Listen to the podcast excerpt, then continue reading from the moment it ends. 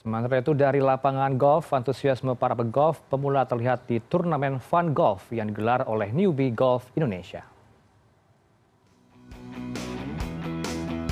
144 pemain golf pemula bergabung di turnamen Fun Golf di Modern Golf and Country Club Tangerang 15 Juni 2022.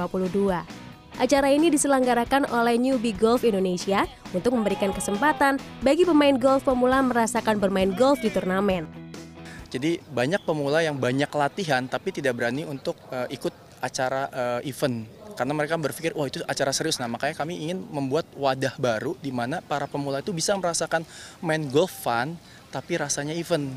Sistem peraturan layaknya permainan golf sesungguhnya kategori dan kelompok pemenang dinilai berdasarkan flight dan keterampilan setiap peserta seperti longest drive, nearest to the pin, serta nearest to the line. Acara ini diikuti berbagai kalangan hingga public figure ini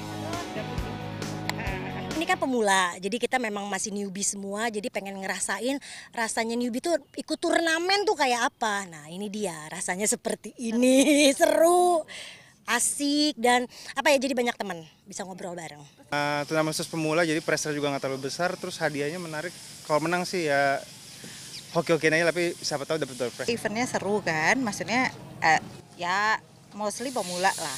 Yang namanya pemula kan beda ya sama-sama punya perasaan uh, saling gimana ya aduh dia nggak uh, nggak terlalu jago juga ternyata sama dengan saya gitu kan Selain menawarkan pengalaman bagi pemula untuk bermain golf di ajang turnamen khusus pemula, acara ini bisa menjadi wadah melatih konsistensi dan fokus bagi para pegolf pemula. Mentari Detanzil, Ilham Aji, Tangerang.